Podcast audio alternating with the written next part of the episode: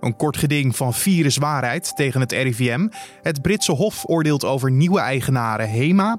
En in Nieuw-Zeeland zal de rechter zich deze week buigen over de straf tegen een man die anderhalf jaar geleden in Christchurch 51 mensen doodde en tientallen anderen verwonde. Dit wordt het nieuws. Um, deskundigen die, die zeggen van ja, daar heeft in Nieuw-Zeeland nog nooit iemand uh, echt een levenslange straf gehad. Maar als dat uh, al gaat gebeuren, dan uh, is deze zaak uh, daar wel een hele goede kandidaat voor. Buitenlandverslaggever Matthijs Lelou hoorde je. Straks meer met hem over deze zaak. Maar eerst kijken we zoals gebruikelijk naar het belangrijkste nieuws van nu. Mijn naam is Carne van der Brink. Mij heb je even een weekje moeten missen omdat ik ja, letterlijk en figuurlijk een week aan mijn bed gekluisterd was. Door een blessure kon ik bijna niks. En daarom ben ik extra blij om deze podcast weer voor je te mogen maken. laten we er een mooi maandag 24 augustus van maken. Bayern München heeft zondagavond de Champions League gewonnen door een 0-1 overwinning op Paris Saint-Germain. Kingsley Coman maakte in de tweede helft de enige treffer van de finale. Lewandowski, Kimmich. Lewandowski kiest positie, daarachter is Coman! En daar is het gaatje. En het is van de aanvallend ingestelde spelers degene waar je het het minst van verwacht die je maakt. Ook nog met de kop. Kingsley Coman zet Bayern op 1-0.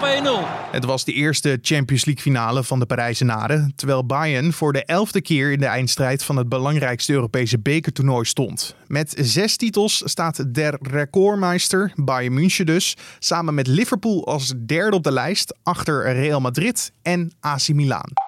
Ondanks de grote daling in het aantal treinreizigers door corona stijgt het aantal treinritten in 2021 naar meer dan 2,1 miljoen. Spoorbeheerder ProRail gaat de toename in het aantal treinritten vandaag bekendmaken in de capaciteitsverdeling, zo schrijft de NOS.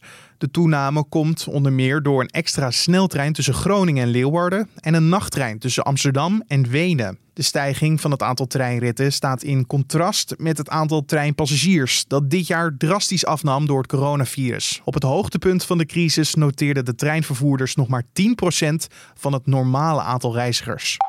De Verenigde Staten heeft toestemming verleend voor het behandelen van zieke coronapatiënten met bloedplasma. Dat heeft president Donald Trump in zijn persconferentie laten weten.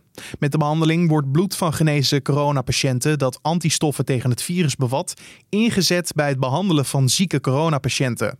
De Amerikaanse toezichthouder Food and Drug Administration stelde eerder dat het toedienen van bloedplasma kan zorgen voor een kleinere kans op overlijden en zorgt voor een positief effect op de gezondheid van de patiënt. De plasmabehandeling was overigens al toegestaan, maar door de goedkeuring is het voor meer patiënten mogelijk om de behandeling te krijgen. Buitengewone opsporingsambtenaren van de gemeente Amsterdam hebben zondag 148 boetes uitgedeeld voor het niet dragen van een mondkapje. Dat meldt een woordvoerder van burgemeester Femke Hansema aan regiopartner AT5. Naast de uitgeschreven boetes zijn er ook zo'n duizend waarschuwingen uitgedeeld door de politie.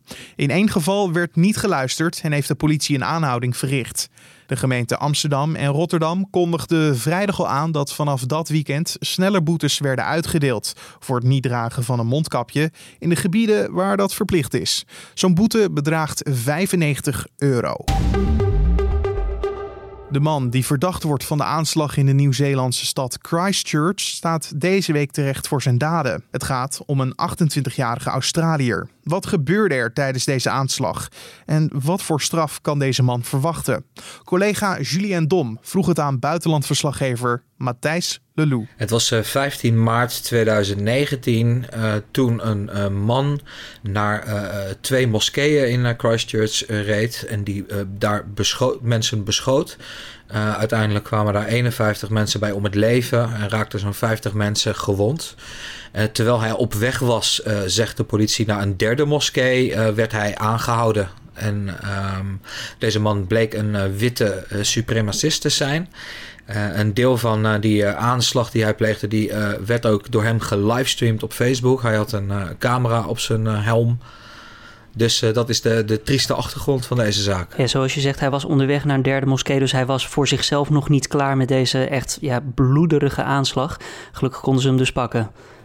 Ja, ja, de autoriteiten die zeggen inderdaad dat, uh, nou ja, dat hij uh, nog van plan was om, uh, om meer mensen dood te schieten. Matthijs, dan fast forward naar de rechtszaak. Daar is ook veel om te doen geweest, hè? Ja, aanvankelijk leek het erop dat dat een maandenlange rechtszaak zou worden, die in juni zou beginnen. Maar de verdachte, of moet eigenlijk zeggen de dader, want in maart bekende hij plotseling schuld. Uh, dus toen uh, konden we eigenlijk gelijk naar het, het vonnis in deze zaak. Dat vanaf maandag zal worden uitgesproken. het gaat ongeveer vier dagen duren. Er komen meer dan 60 slachtoffers van de aanslag. Of nabestaanden van dodelijke slachtoffers. getuigen van de aanslag die komen aan het woord. Die lezen verklaringen voor, voor over welk effect die aanslag op hun leven heeft gehad. Uh, en dan zal uh, de rechter die zal besluiten uh, hoe lang deze man de gevangenis ingaat. Wat kunnen we daarvan verwachten? Want ja, hoe lang? Um, ik zou denken 51 doden, daar staat een enorme straf op. In Nieuw-Zeeland is het zo dat op moord, uh, daar staat automatisch staat daar een levenslange straf op. Uh, maar dan wordt er altijd door de rechter vastgesteld na hoeveel jaar uh, iemand in aanmerking kan komen voor vervroegde vrijlating. Het is nog nooit voorgekomen dat die mogelijkheid werd weggenomen. Dus dat levenslang echt levenslang was. de langste straf die iemand in Nieuw-Zeeland heeft uitgezeten, die was 30 jaar. En wat had dat deze was... man dan gedaan of deze vrouw? Deze man die vermoorde in 2001 vermoorde die drie mensen. Dus uh, nou ja, goed, dat is wel aanzienlijk minder dan uh, de dader in deze zaak. Oftewel een groot verschil met waar we nu mee te maken hebben, wat zich af heeft gespeeld in Christchurch. Dit is uh, de ernstigste aanslag in Nieuw-Zeeland ooit. De ernstige massaschietpartij in Nieuw-Zeeland ooit. Uh, het is de eerste terroristische aanslag in, in tientallen jaren tijd. Dus dit, is, uh, ja, dit was een, een aanslag die de Nieuw-Zeelandse samenleving uh, ontzettend heeft geschokt en in beroering heeft gebracht. En de rechter die zal dat ongetwijfeld ook laten meewegen. Um, deskundigen die, die zeggen van ja, daar heeft in Nieuw-Zeeland nog nooit iemand echt een levenslange straf gehad. Maar als dat al gaat gebeuren, dan is deze zaak daar wel een hele goede kandidaat voor. En de dader, die zal dus in ieder geval deze nabestaanden aanhoren. De slachtoffers zal die aanhoren. Mag die daarna of zal die daarna zelf ook nog iets vertellen tegenover de rechter en al deze mensen?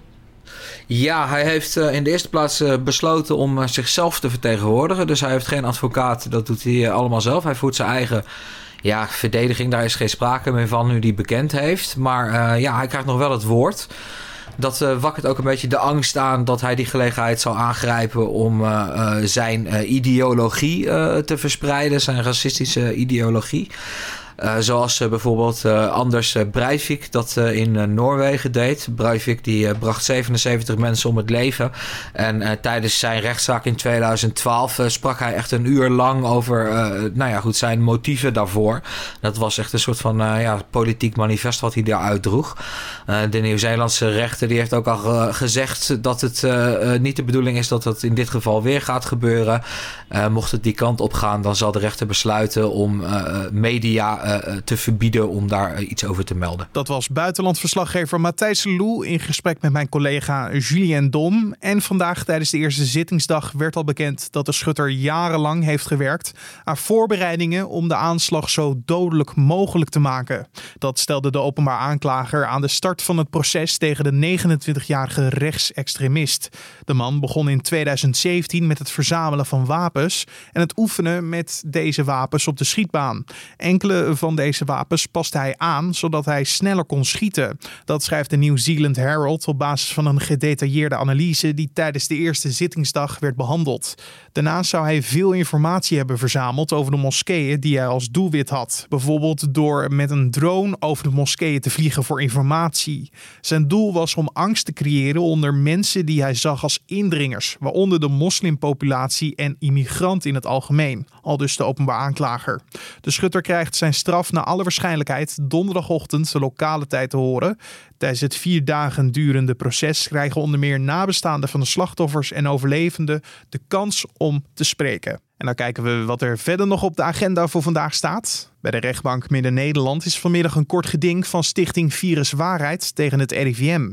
Virus Waarheid is een fel tegenstander van de coronamaatregelen. En de club twijfelt of het coronavirus wel echt zo gevaarlijk is en eist erom inzage in alle modellen, onderzoeksrapporten en notulen van het RIVM. Maar die geeft het Rijksinstituut niet zomaar, vandaar het kort geding. Dat begint om drie uur vanmiddag. Het Britse Hof van Justitie buigt zich vandaag over de HEMA. Afgelopen juni werden de schuldeisers van het warenhuis ineens mede-eigenaar. Het lukte de vorige eigenaar Marcel Boekhoorn namelijk maar niet om zwarte cijfers te schrijven. Dus sloot hij een deal om de 750 miljoen euro aan schulden grotendeels om te zetten in aandelen. Boekhoorn ziet de deal zitten, de schuldeisers zien het zitten, maar of het definitief doorgaat, dat gaat het Hof vandaag bepalen. En minister Stef Blok van Buitenlandse Zaken praat vanmiddag weer met zijn Surinaamse collega Albert Ramdin. De twee zagen elkaar een maand geleden ook al en spraken toen de wens uit om weer ambassadeurs uit te wisselen. Nederland heeft namelijk sinds 2017 geen ambassadeur meer in Suriname, omdat toenmalig president Bouterse toen had besloten dat hij niet meer welkom was. Maar nu zijn opvolger, president Santokki, aan het roer is, willen beide landen de diplomatieke relaties graag herstellen. En dan nog het weer. Vandaag is het wisselvallig en vallen er een aantal buien. De meeste buien vallen in het noorden, de minst in het zuiden. En ondanks de flinke hoeveelheid stapelwolken is er van tijd tot tijd ook ruimte voor de zon om door te breken. Het wordt 18 tot 22 graden met een matige tot vrij krachtige wind uit het westen.